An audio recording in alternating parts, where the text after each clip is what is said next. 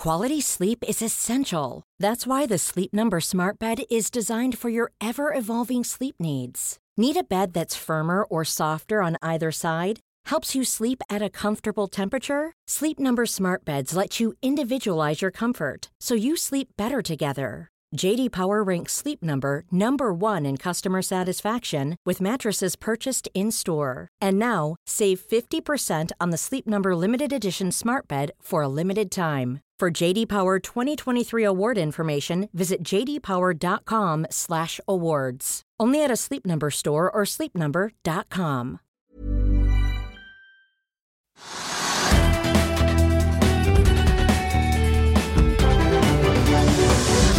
En riktig god fredag alle sammen, og velkommen til Økonominyhetene. Kalenderen viser 29. september. Det er snart helg, men det betyr ikke at det er stille på nyhetsfronten. På veien mot landing denne uken så er det verdt å få med seg at Matvareekspressen har debutert på Oslo Børs, mens oljeserviceselskapet Berenberg gjør seg klar for det samme neste torsdag. Det har vært en emisjon i Desert Control og utsatt tegningsfrist for emisjonen i Black Sea Property, og vi venter jo da på emisjonsresultatene da i SAS, som foreløpig eh, ikke har latt høre fra seg. Det er skjebnemøte klokken fire i ettermiddag hos advokatfirmaet Thommessen. Der klasker Aternum-forvalter Vegard Søreine sammen med Jon Fredriksens utsendte i konflikten som har oppstått i dette store fondet. En sak du selvfølgelig kan følge på FA1 og utover både ettermiddagen og i dagene som kommer. I studio i dag så kommer Collier-sjef Bård Bjølgerud, som skal gi oss et innblikk i hvordan det står til i nordisk eiendom nå.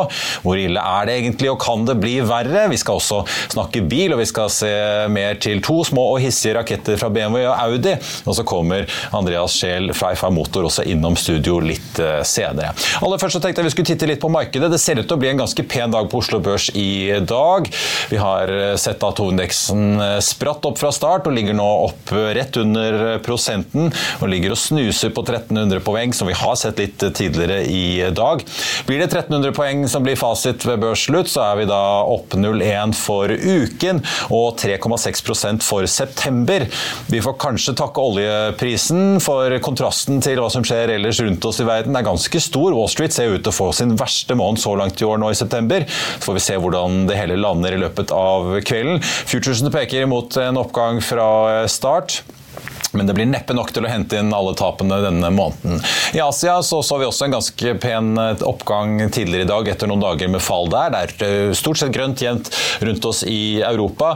Oljeprisen har hentet seg inn og er igjen opp, nå til 93,70, mens den amerikanske lettoljen ligger på 92,60. Den så vi jo krøp helt opp til 95 tidligere denne uken. Og Når det gjelder Wall Street, så er det én viktig faktor som er verdt å få med seg da før åpningen om snaue to timer.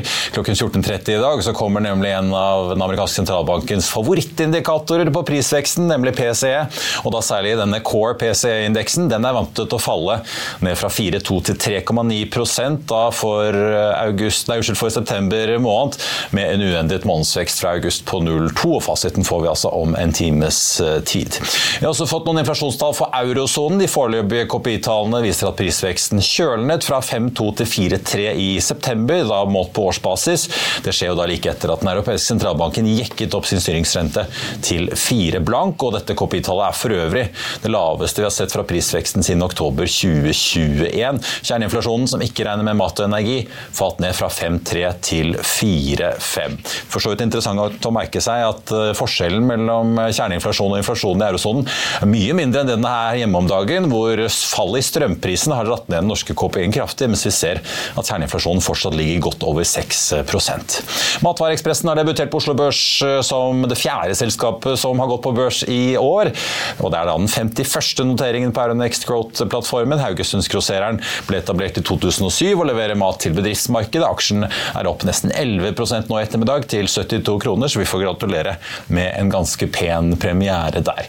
Jeg nevnte jo SAS. De hadde jo da opprinnelig en frist ved midnatt mandag til å melde seg på i emisjonen i flyselskapet som er i chapter 11-restrukturering i USA. Tirsdag morgen så kom meldingen om at de skal gå gjennom alle disse budene for å være med. Fortsatt stille fra flyselskapet. Og som vi snakket om på Børsmorgen i morges, så mener jo, eller spekulerte i hvert fall Carl Amanes i om det kan være at at 20 milliarder i konvertert gjeld blir for lite, nå som rentene har steget såpass mye som de har siden SAS lanserte denne prosessen. Planen fra SAS er jo da for øvrig å hente inn minst 9,5 milliarder svenske kroner skal det være, i frisk kapital. Share Drilling er litt ned i dag. De fikk priset et nytt obligasjonslån på drøyt en milliard dollar med forfall i 2029 til 9,63% rente. Solstad Offshore stiger snaue 10 i dag. De får medvind etter at det ble kjent at Tor Olav Trøim og Arne Blystad er to investorer som satser på offshore-rederiet. Ellers blir det jo mye eiendom senere i dagens sending. Jeg tenkte bare å nevne at det skjer ting i KMC Properties. De får jo da investeringsfondet Nordica inn som ny eier. De tegner seg til 5,50 aksjen, omtrent noen få øre over der hvor KMC-aksjen ligger nå. De spytter inn 275 millioner i ny egenkapital. KMC får eh, litt bedre lånevilkår samlet sett på konsernnivå. De har også kjøpt da syv eiendommer fra Bevi for da 625 millioner kroner. og Det betyr at eh, de to partene nå er ferdige med den store pakken av eiendommer KMC kjøper fra Bevi innenfor industrieiendom, da for totalt 2 milliarder kroner. Ellers er eh, grenlandsbedriften innen eiendom Recreate ute med sine kvartalstall, faller 25% på Oslo Børs. Selskapet har jo vært under et kraftig finansielt press. Og melder at de fortsatt trenger påfyll i kassen. Neste uke er det dukket for en ny børsnotering, og torsdag, etter, eh, i hvert fall hvis alt går som det skal, så skal altså oljeservicekonsernet Berenberg, som driver med isolasjonsstillas og overflatearbeid, ringe i børsbjellen. Selskapet vil hente 250 millioner kroner i prosessen og ser store vekstmuligheter innenfor en sektor som eh, da med de mange aldrende plattformene på norsk sokkel trenger mye vedlikehold i mange år til. Konsernsjefen var med oss i Børsmorgen i morges, og her er et lite utdrag. Eh, du sier jo du skal bruke en del av pengene på å nedbetale gjeld. Hvordan ser på en måte kapitalbehovet ut uh, fremover, da, gitt at dere nå får inn Nå er det vel en åpning i å tegne seg ut dagen her mm. på emisjonen, men gitt at dere da får inn en kvart milliard, har dere da fått ned gjelden sånn at dette er en selvfinansierende butikk med, med det dere har av investeringsutgifter og sånn fremover? Absolutt. Det, da, da, er eh, si, kapitalstrukturen sånn at, eh, at vi, eh, vi, er komfortable med, med, med si, gjeldssiden og, og, og, kapital. Og så legger vi opp til da, at vi, vi er et selskap som, som genererer mye cash. Vi har en såkalt høy cash conversion, som det heter på fint. Og det er klart at Vi ser jo for oss at du skal bruke den eh, eh si, kontantgenereringen til å utbetale direkte eh, avkastning til våre frem, altså eksisterende og fremtidige aksjonærer. Så Det er en del av, av pakken som, eh, som gjør at eh, Berenberg er attraktivt. Utbytte, som dette på fint, Karland. Ja. Arild Appertun, eh, konsertsjef i Beberg, tusen takk for at du var med oss eh, fra Bergen. Så skal vi følge ned med på hvordan det går med emisjonen. Og også, det blir vel bjelleringingseremoni kanskje da til uken? Ja, det satser vi på. Du, God tur til Oslo. Lykke til. Takk skal du ha. Vil du bli oppdatert på det viktigste som har skjedd innen finans og næringsliv? Da er det bare å følge med, for hver morgen er jeg, Marius Lorentzen og aksjekommentator Karl Johan Malnes på plass i studio for å ta tempen på dagens marked i Børsmorgen. Og hver ettermiddag oppsummerer vi alt du trenger å vite i økonominyhetene, og det blir selvfølgelig masse interessante gjester. Klikk deg inn på fa.no-tv, eller søk opp Børsmorgen og Økonominyhetene der du hører på podkast.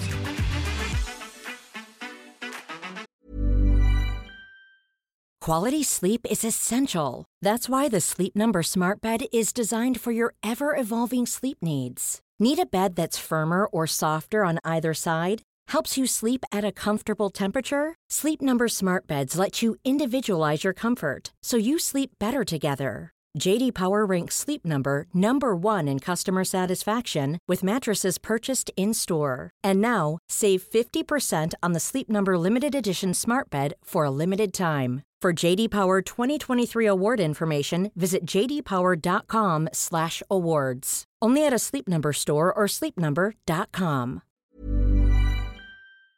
I'll see you in court. Vi sier det ofte litt på spøk, men for deg som driver business, er det aldri moro å innse at du ikke har laget en 100% gyldig kontrakt. Du bør ikke risikere hele firmaet ditt fordi du synes dette med kontrakter er litt stress. En avtale er ikke en avtale.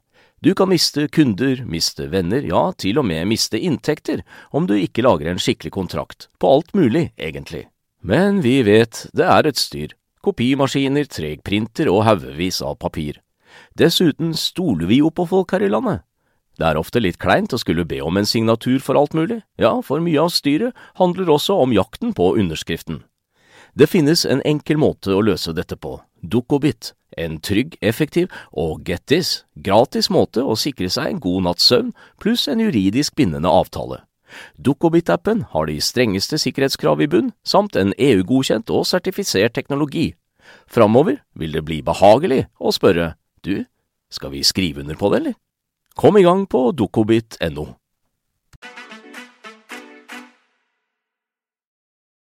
Da skal vi til eiendom, for i går rigget noen hundre folk i og rundt eiendomsnæringen seg til foran skjermen for å følge Colliers, som vi i hvert fall her i landet tidligere kjente som Pagea Property, og, de, og deres seminar da, om situasjonen i nordisk eiendom. Ja, med økte renter, store verdifall og høy gjeld i mange selskaper, særlig kanskje i Sverige, så er det mange som følger med. Ikke bare her i Norden, men også i London og New York. Og vi er jo da glade for å kunne ønske velkommen til dagens gjest, som har kommet for å dele litt med alle oss andre, da, Bård Bølgerud, konsernsjef i Colliers. Velkommen. Takk skal du ha. Mm. Kanskje vi skal begynne med det du sa på seminaret i går til kundene deres, at uh, dette er det svakeste transaksjonsmarkedet du har sett på ti år. Dere driver jo, er jo megleren som ofte står mellom store aktører som kjøper og selger næringseiendom. Mm. Er det usikkerheten i seg selv som gjør at folk setter seg frivillig på gjerdet, eller er det at eh, bankene er mer forsiktige med å gi finansiering til transaksjoner som gjør at det stopper så opp som det gjør? Det er en god kombinasjon. Det er riktig som du sier. Sånn, det er ja, kanskje det dårligste markedet på faktisk tolv år. Eh, og nå har det pågått en stund. altså Det begynte jo rundt halvårsskiftet i fjor. Eh, og så har det eskalert liksom innover dette året, mens til at markedet har stoppet opp. og eh, F.eks. i Norden, i 2021 så var det over 850 milliarder omsatt i, i næringseiendom. Året etter, altså i fjor, så var det ca. 520 milliarder. I år tror vi at vi havner på 250 milliarder, så det er et dramatisk fall. Og det er usikkerheten, men det starter egentlig med renteøkninger, usikkerhet rundt eh, verdivurdering, og så skyller det innover finansieringsmarkedet. Finansieringen er da ikke tilgjengelig, eller den som alle har sett, har blitt vesentlig dyrere. Ja. Og da går ikke regnestykkene opp. Eh, da må markedet flytte seg, og da er det selgeren som må flytte seg.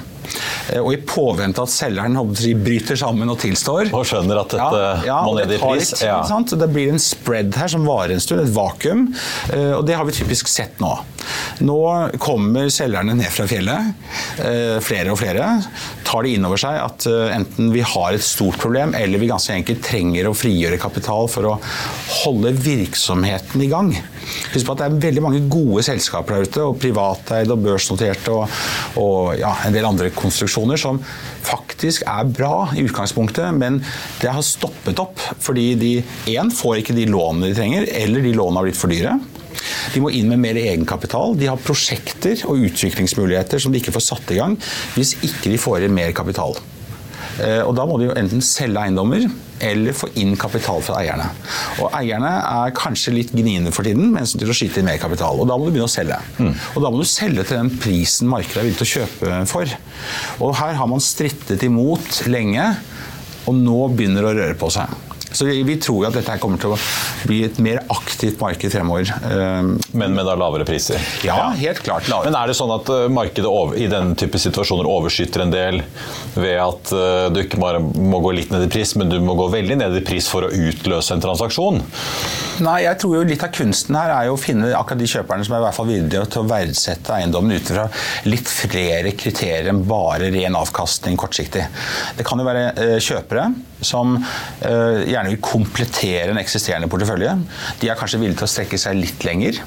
Det kan være kjøpere som ganske enkelt har overskuddskapital og tenker også lengre fram enn bare avkastning, direkteavkastning de neste to-tre årene f.eks. Det kan være kjøpere som ikke er så avhengig av fremmedkapital. De har typisk litt høyere betalingsvillighet hvis de liker objektet. Men da må du komme med ordentlig kvalitet, for de er ganske picky på hva de skal ha. Du snakket jo om nettopp verdsettelser. Altså, det er jo mange måter å verdsette på. Man kan hyre inn uh, tredjeparter som kommer og sier at et bygg er verdt X. Mm. Uh, så har du selvfølgelig transaksjoner som jo gir en løpende pekepinn. Du har børsen som verdsetter en del av disse mm. selskapene. Dere var jo inne på kursfall i Entra og mange noterte aktører, at det er ganske kraftige. Men sånn som dere leser det nå, er det mye latent verdifall som ikke har kommet til syne ennå. Jeg hører veldig mange spekulere i det at her vi har bare sett overflaten fordi at det har vært lite handler, så du får faktisk ikke vist frem det fallet som er i verdier. Hvordan leser dere det bildet, hvor mye som ligger der som ikke har kommet frem? Nei, det er for det første ingen tvil om at i bøkene til veldig mange selskaper, enten de er på børs eller ikke på børs, så har de overvurdert eiendomsverdiene akkurat her og nå. Eh, og Det er fordi de av ulike årsaker ønsker kanskje å tviholde på disse verdiene, fordi nøkkeltallene blir da bedre. Det er for så vidt også for bankene egentlig litt ok, for da får ikke bankene et problem heller. Og for verdivurdererne som har det Altså lån til boligverdi, ja, lån til valg som dette? Ja. Og nøkkeltall for øvrig. Eh, og verdivurdererne de lever jo av dette, så de vil jo ikke håper jeg, støte fra seg sine kunder. Ja. ja. Så her har vi et, en triangel som egentlig eh, ikke tatt inn over seg av forskjellige årsaker hva som faktisk er situasjonen. Det, det, markedet man skal følge nøye med på, eller de to markedene som egentlig du kan lese av realitetene, det er aksjemarkedet, hvordan de priser eiendomssektoren. Eh, og det er så mange eiendomsselskaper notert i Norden, slik at den sektoren er stor nok til å være relevant. Det er en proxy på hvor markedet faktisk er nå. Pluss at du har rentemarkedet i tillegg. Hvis vi da ser på bøkene til til og med de beste selskapene i Norden, børsnoterte, Entra et sånt et, Fabigé eh, og en rekke andre selskaper. Altså store, solide, robuste selskaper med strålende eiendommer. Kontor, handel eller hva det måtte være. Pandox, eh, hotell så er jo aksjemarkedet ganske brutal for tiden. I bøkene til Entra ligger eiendommene nå verdsatt til en implisitt yield på 4,5 eh, Leser du av hvor den prises Altså leieinntekter mot eiendomsverdi? Ja, ja. riktig. Sant? Av, netto avkastningskravet på totalkapital på eiendommen, de som gilder. Og så priser man prosjektene litt annerledes. Eh, ser du på hvordan aksjemarkedet priser Entra implisitt, så er det på en gild på 6 Eh, og Det er på bruttoverdier. og Da får det en ganske dramatisk eh, effekt på nettoverdiene etter gjeld. Eh, så Der er jo rabatten på mer enn 50% Ja, var det Din kollega fra Sverige vel påpekte at de fleste noterte nå ligger markedet og priser i omtrent på halvparten av bokførte verdier? Ja, og det er uansett om du er stor, liten Eh, bred eller smal i eksponering, bra kvalitet eller litt mer omdiskutert kvalitet. Alle er hamret ned i tur og orden. Men er det fordi det er store fondsinvestorer som hvis de skal ha eksponering mot eiendom, så går de med ett egg i hver kurv. Si. De kjøper litt Castellum, litt SBB, litt uh, Entra. Og dermed så får du en sånn Slags felleseffekt, eller er det bare at man ikke evner å se forskjellen, eller hva skyldes det? Jeg tror ganske enkelt forskjellen, tror du? En aksjeinvestor nå som kan og, og bruker mye tid på eiendom, er eh, se på dette på en måte som ikke er reflektert i det underliggende markedet hos verdivurdererne. Mm. Og det er jo investoren som egentlig kommer med sannheten. Hva er de villige til å betale for disse aksjene eller disse eiendommene? Ja, ja for det er formulert meg kanskje litt dårlig, men jeg tenker sånn at alle får omtrent den samme rabatten, så er kanskje SBB det store unntaket, da. men er det, er det, som en effekt at det er mye indeksfond, sånn at folk bare går inn og ut av eiendom binært? på en måte, eller? Ja, altså, bare ta noen, gi deg noen tall. Altså, fordi Her har vi hele spekteret av investorer. Det er indeksfond, det er property only-fond, det er klassiske, kall det aktive eh, investorer, også private investorer. Eh, og det er jo en del aktører som vi kjenner fra Norge, som også går inn i eiendom i Sverige i noterte sektoren. Blant annet, altså, Jon Fredriksen har gått inn i Fabege og tatt en, en, ganske stor stake der, eh, fordi de har tro på det selskapet og mener at det selskapet, sånn risikojustert avkastning, er egentlig ganske interessant. Og det tror jeg at de faktisk har rett i. Om FABG-kursen kommer til å reprise seg de neste seks månedene oppover, that remains to be seen. Ehm, det som, det som jeg kaller er sektorens kaller tall som skremmer mange, er at for halvannet år siden, på, eller nesten to år siden, når vi var på topp, så ble sektoren priset til ca. 30% over sin substansverdi. November 21, rett før jul i hvert fall. Ja. Riktig, sant. Ehm, da priset man børsverdien i alle de noterte selskapene i Norden, eiendomssektoren, til ca. 1,1 milliard. Nei, nei, 1100 milliarder. I dag er vi nede på 450 milliarder. Så det er altså nesten 600 milliarder som er blåst bort i løpet av halvannet år. Og Det er denne reprisingen som har skjedd, eh, som er kraftig, brutal, nådeløs. Og den har vi ikke sett i det underliggende markedet ennå. Dere tror jo, eller sa i går at dere tror børsverdiene vil begynne å bunne ut Ja. en gang i første halvår neste år, kanskje mot sommeren. Hva er det som gjør at dere tror det? Altså, bakgrunnen, og nå får vi jo se om vi får rett, da. Eh, Det er ikke sikkert. Men bakgrunnen er jo at eh, hvis nå renten topper ut innenfor relativt kort tid, eh, drevet av at inflasjonen er på vei ned, og det er mye kan tyde på det, men vi trenger litt mer bevis på at det faktisk skjer, før det tas innover i det, markedet, så kommer det til å løsne litt mer rundt eiendomssektoren og synet på det, risiko. Eh, Eiendomssektoren på børs kommer til å være den raskeste til å prise inn dette og neddiskontere en positiv endring. I løpet av første halvår neste år så tror vi at mye av den negative newsflowen som det heter, er tatt ut. slik at den marginale newsflowen kommer til å være mer positiv. Da kommer sektoren til å begynne å komme opp igjen, selv om markedet kommer til å være veldig selektiv hvem man priser opp. Det kommer til å trigge obligasjonsmarkedet, som da ser litt liksom lettere på den sektoren og tar ned kall kredittpåslaget. Interessen for å investere fra kredittinvestorer og aksjeinvestorer kommer til å øke. Og så kommer det underliggende markedet til veien. Så det kommer til å være en tretrinnsrakett. Først kommer aksjemarkedet til å begynne å reprise, så kommer obligasjonsmarkedet til å følge etter, og så kommer eiendomsmarkedet. Og den siste som kommer, som er den fjerde raketten, som ofte er den seneste eller treigeste, det er bankene selv. Og bankenes kredittkomiteer. For de vil gjerne se dette over i tid før de slipper opp og skal se at det går åpner opp for mer business. Men eh, er det noen som evner å være litt opportunistisk og, og slå til eh, i den situasjonen? da? Dere snakket jo i går påpekte jo ikke sant, Danmark, der har man jo låst valutakurs, men mm. Norge og Sverige her har vi jo fått litt tynn på kronen. Så for Ja, ja. utlendinger begynner jo Norge og Sverige å bli veldig attraktivt. Det ser vi jo til og med på. Det blir jo eksportert luksusbiler ut av Norge for en gangs skyld. Når man får liksom avgiftene retur, så er det interessante priser. Eh, Men vi har jo sett eh, Jeg så jo Blackstone-sjefen ble spurt om dette og var ganske åpen på at de får mye tilbud om dagen om å kjøpe opp eiendomsporteføljen. Han sa de var ganske selektive, og de tar ikke hva som helst. Men er det noen enten i Norden og Skandinavia eller utenfor som evner å enten begynne eller allerede har begynt å snappe opp ting da til relativt gode priser? Ja, det er det. det, er det. Og, og hit, altså, I år så omsettes da næringseiendom for 250 milliarder, kanskje litt mer, men det gjenstår å se. Så ja, det er jo noen som kjøper også. Det er ikke bare de som selger. Ellers hadde ikke hjulene gått rundt i det hele tatt. Eh, De som har kapital nå, eh, det er typisk en del familieeide selskaper som har sittet litt på sidelinjen og vil gjerne inn. Nå har de en sjanse som de ikke sannsynligvis får på en ganske god stund. Denne sjansen kommer kanskje hvert tiende år. Og da kan du få tak i virkelige gode, fine sånne troféeiendommer til og med, til en fornuftig pris. Eh, Det var jo veldig dyrt eh, for halvannet år siden. Da var jo denne yielden nede på lave tretallet for den type eiendom. Nå kanskje er på 4,5 yield og enda litt høyere. Og Entra kan du altså kjøpe på 6 yield. Eh, Vi har en del fond som har reist mye kapital. Blackstone er en av de. Starwood Capital, altså internasjonale fond. Vi har i Norden Nrep, Niam, Areim, altså veldig store kalde aktører som har reist mye penger. Noen av de har begynt å investere mye. Eh, Kanskje til og med litt tidlig. Eh, Andre begynner å rampe opp og forberede seg på å gripe muligheter. Og så venter man på denne kniven som faller. Og Du vil ikke gripe den for tidlig. Du ønsker jo egentlig at den kniven skal treffe bakken før du plukker den den opp. rett, eh, før Men den du faller, ja. time det helt perfekt. Sant? Så eh, Det er noe av bakgrunnen for at vi begynner å bli litt mer optimistiske med aktivitetsnivået.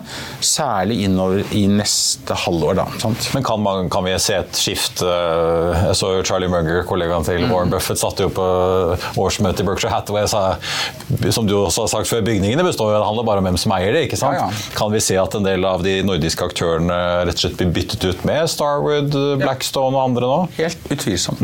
Og nordiske aktører her er jo vel så mange, selv om vi ikke har så mange børsnoterte aktører i Norge. Vi har Entra, Olaton, Aurora og noen til. Eh, Så har vi til gjengjeld et syndikatmarked som er stort. Det er 450 syndikater omtrent i Norge. 180 milliarder, eller hva nå verdien er, men det er store verdier. Det er vår, kall det børsnoterte sektor innenfor eiendom, som er tilgjengelig for mange. Den sektoren er jo igjen eh, på vei inn i den tørketrommelen der eierne kommer til å bli byttet ut. Ser det. Som vi har sett eksempler på med ja, ja. Som Arctic har satt sammen et, eh, en sånn gruppering på Fornebu og Storebrandbygg. Ja, dette er noen av de mer kjente og, kan... Det finnes jo mange av dem. Det finnes ja. plenty. Med varierende kvalitet. Ja, God eller dårlig. Ja. ja, ja. Store, små, eh, bra, dårlige. Hele spekteret. Det er mange av de. sant? Eh, og her jobber man med problemet litt som bak forhenget. For å prøve å rydde opp og refinansiere. Og når ikke det går, vel da må du jo bryte sammen og tilstå. Og da må du gjøre noe med eierstrukturen. Eh, og til og med de som sitter på gjelden, må kanskje være med og hjelpe til. Jeg merket meg, virker ikke å grave så mye i det, men eh, at det er, det er lite kontorledighet. Og selv i København merket meg det at den mm. faktisk hadde falt. Så det, det monner jo i hvert fall godt, da, i motsetning til mange amerikanske eh, storbyer. Men jeg vil, eh, før jeg slipper deg i dag, så vil jeg gjerne høre om, om litt det vi ser skje på refinansieringsmarkedet nå. For vi vet jo at mange har mye gjeld. Man, man, kan bare ta en ganske enkel kalkulator og gange opp og skjønne at renteutgiftene har økt voldsomt for veldig mange. Mm. Så jo, må man ut med en avansert kalkulator kanskje for å finne ut hvor mye folk sliter eller takler dette her. Men nå har vi jo sett denne uken SPB, som vel er liksom kronjuvelen av eksempler på mye gjeld og høy satsing i mange år, og, og ting som da er sårbart når det snur. Der kommer man med en pakke som, hvor altså 1,16% av dette De har jo delt opp virksomheten i mange underselskaper, og så har de alle disse skolebyggene i ett selskap. Brookfield, dette kanadiske fondet, eide 49% De kjøper 1,16% til. Gir 200 millioner til SPB. Og så skal også et utdanningsselskapet nedbetale masse gjeld, så SPB får inn masse penger. Mm. Men veldig liten eierandel bytter hender. Mm. Men SPB faller under 49, og da slipper de å bokføre all, alle gjelden i dette utdanningsselskapet jeg vil jo i hvert fall se på det som en litt midlertidig løsning. Da.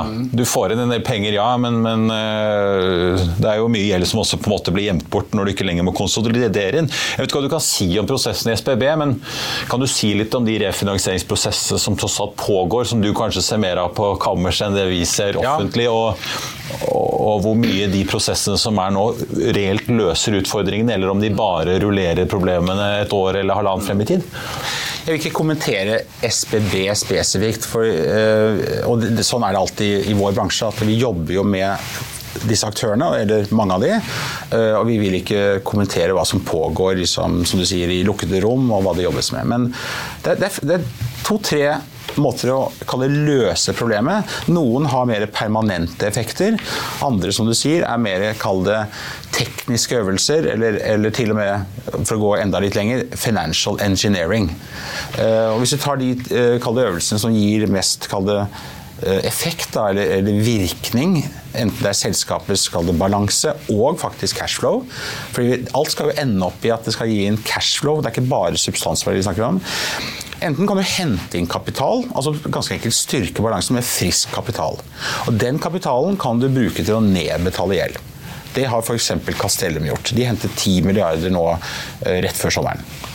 Så kan du selge eiendom. Da frigjør det kapital, og da vil du implisitt kunne nedbetale gjeld.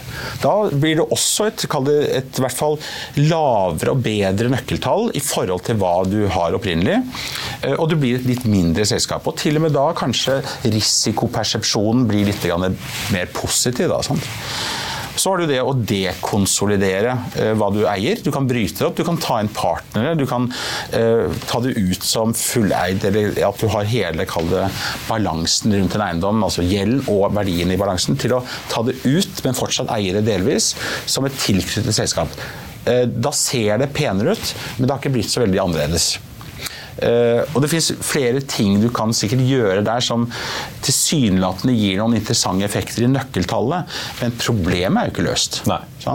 Og så er det jo det som ligger bakom alt de gjør slike ting, er jo at de håper at dette skal Eh, et, endre seg eller bli bedre om en stund. La oss bare prøve å bite tenna sammen, trikse og mikse og holde ut et år til. Holde ut, ja. Få litt kunstig åndedrett eh, eller noe annet. Eh, og så kommer vi over kneika eller over dalen.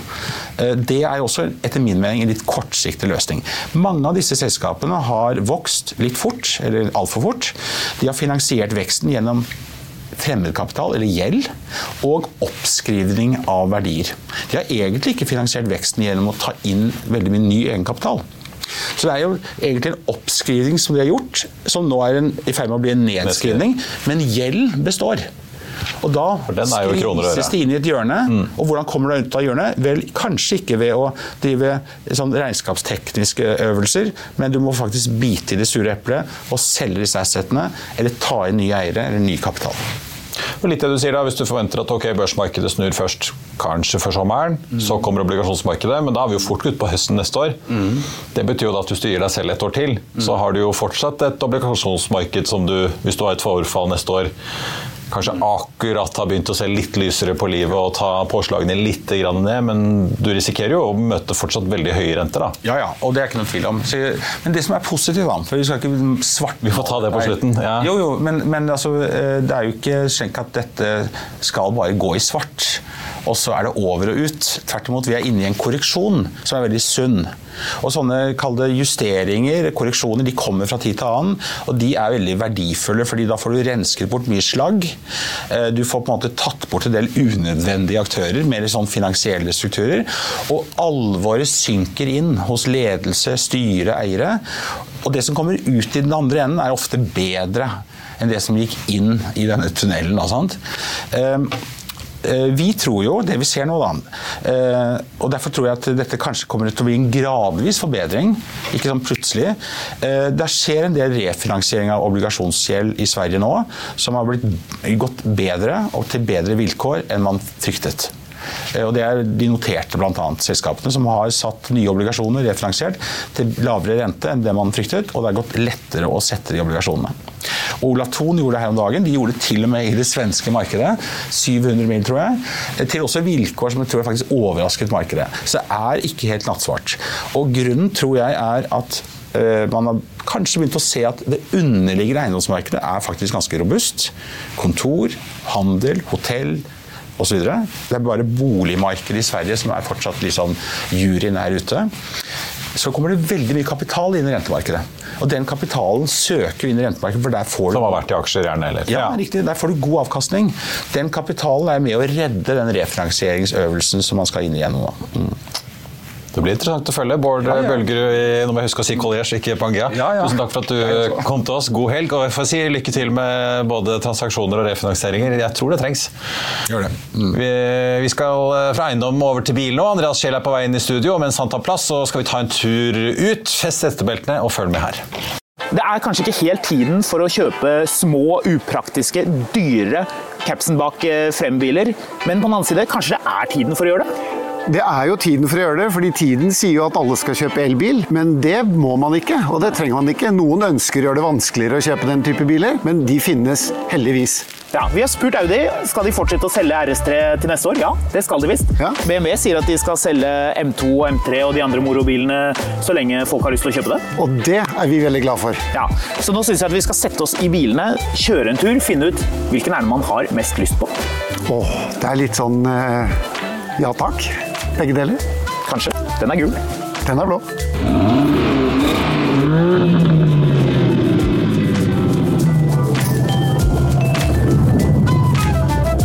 Da er vi bak rattet i eh, M2-en, og her sitter man veldig godt. Jeg skal bare sette den i sport pluss. Det er der vi vil være med en sånn bil som er. 460 hestekrefter, en 3 liters sekssylindret eh, motor, som jo er det man vil ha. Det blir jo erkerivalen til eh, bilen Andreas kjører foran oss, den gule RS3-en. Han sitter sikkert og prater om hvor praktisk den er, med alle dørene sine og firehjulsdrift og de tingene der.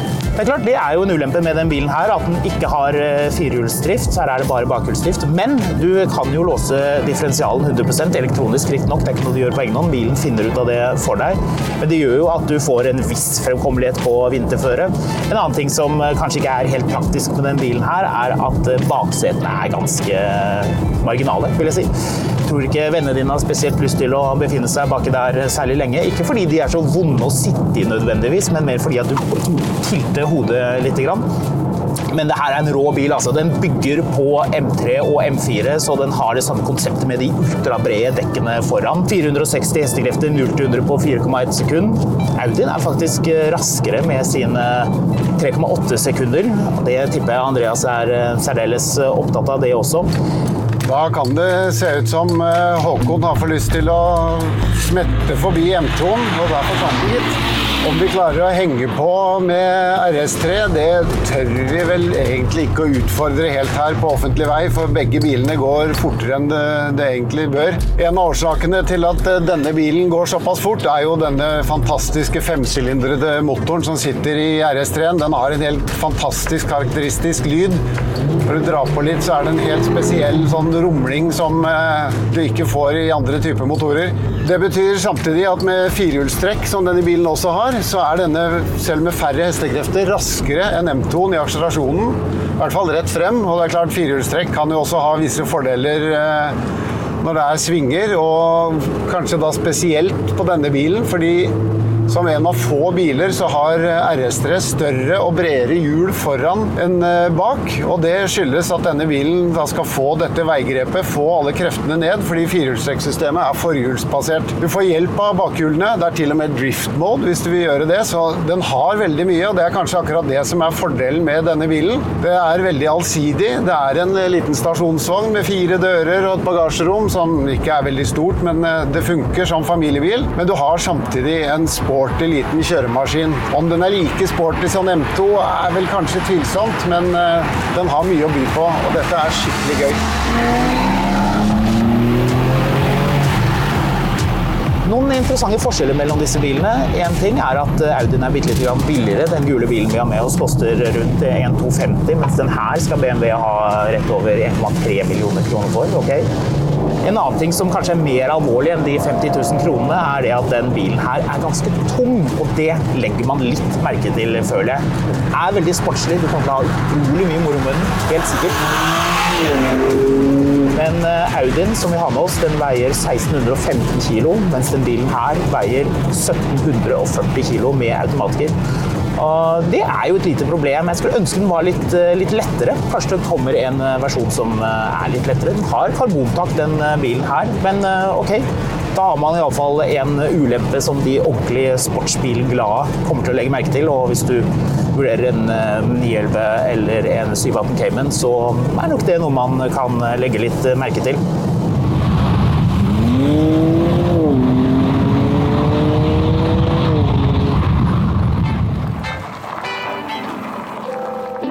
Da har vi vært og kjørt disse bilene en tur, og da er det på sin plass å spørre deg, Håkon, hva er dommen? Så hvis du har litt eh, venner, litt familie, du skal kjøre på vinteren, kanskje er det en hytte involvert, da er det RS3 som gjelder. Uten tvil. Mm. Men eh, hvis du ikke har venner, og du skal kjøre litt på bane og skal ha det ekstra gøy, da er M2-valget. Akkurat. Og det er jo likevel på sin plass å få frem at begge bilene er fryktelig morsomme å kjøre. Men her er det betydelig mer sportslighet, og her er det betydelig mer allsidighet. Så det gjør at valget kan være enkelt, men det er også fryktelig vanskelig. Det er vanskelig, men den bilen her er litt tung, syns jeg.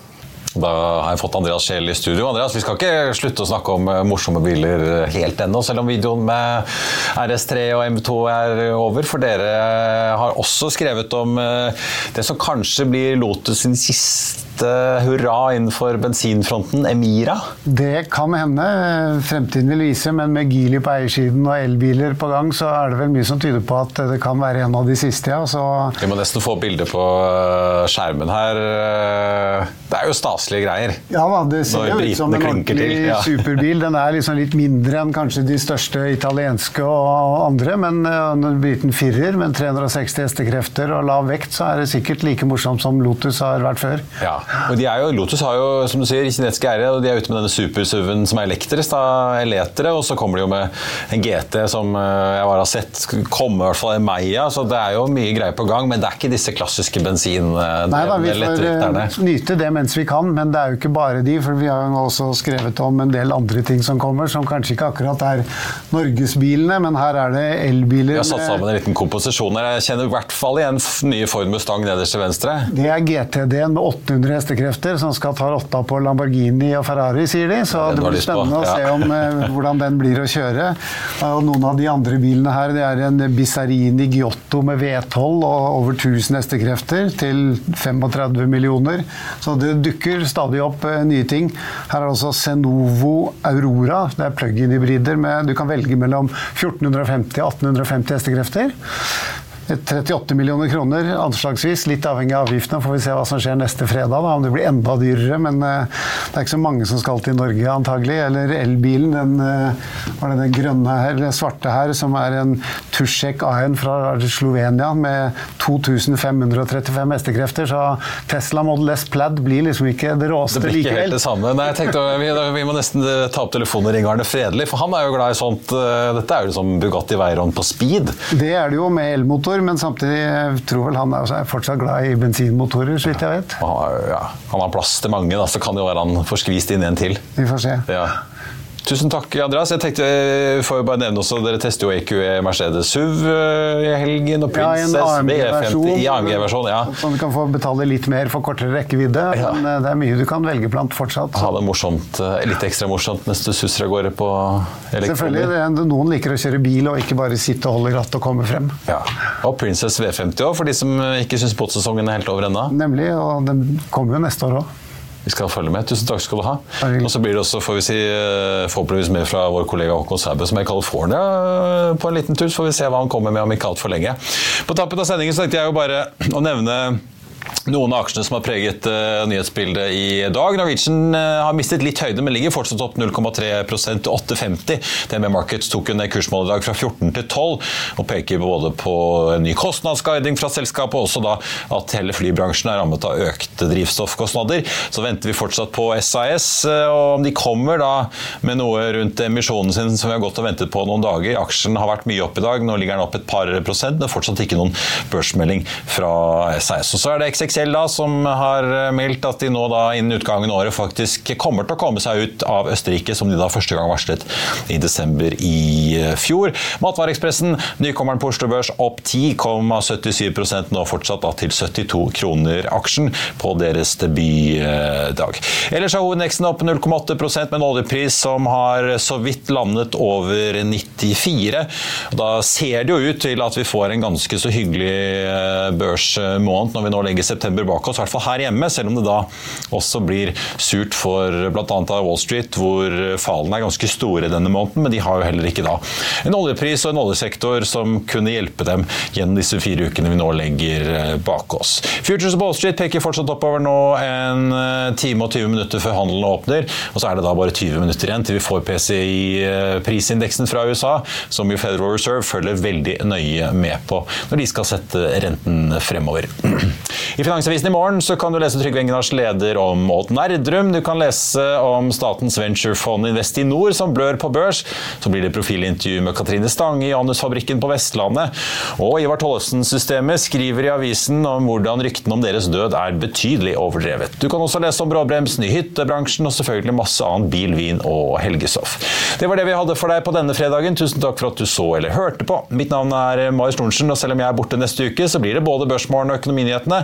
Vi sparker i gang mandag morgen med Alfred Bergs Christian Tunhold. I Børsmorgen Herbjørn Hansson kommer i løpet av uken, vet jeg. Og så er det selvfølgelig også da statsbudsjett på fredag. Så det er masse å glede seg til. Fra alle oss her i Hegna Media, ha en riktig god helg alle sammen. Tusen takk for følget. Vi ses.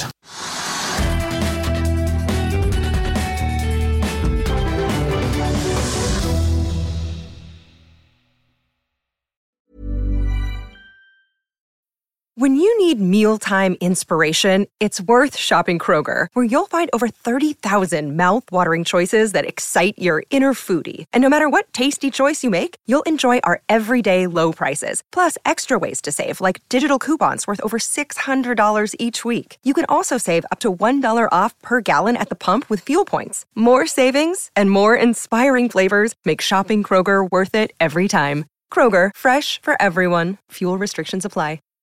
Hey, Drew Scott here, and I'm Jonathan Scott, reminding you that life's better with a home policy from American Family Insurance. They can help you get just the right protection at just the right price and help you save when you bundle home and auto. Kind of like Goldilocks and the Three Bears. It'll be just right for you. We love a custom build. American Family Insurance. Insure carefully, dream fearlessly. Get a quote and find an agent at amfam.com. Products not available in every state. Visit amfam.com to learn how discounts may apply to you. American Family Mutual Insurance Company SI and its operating company 6000 American Parkway, Madison, Wisconsin.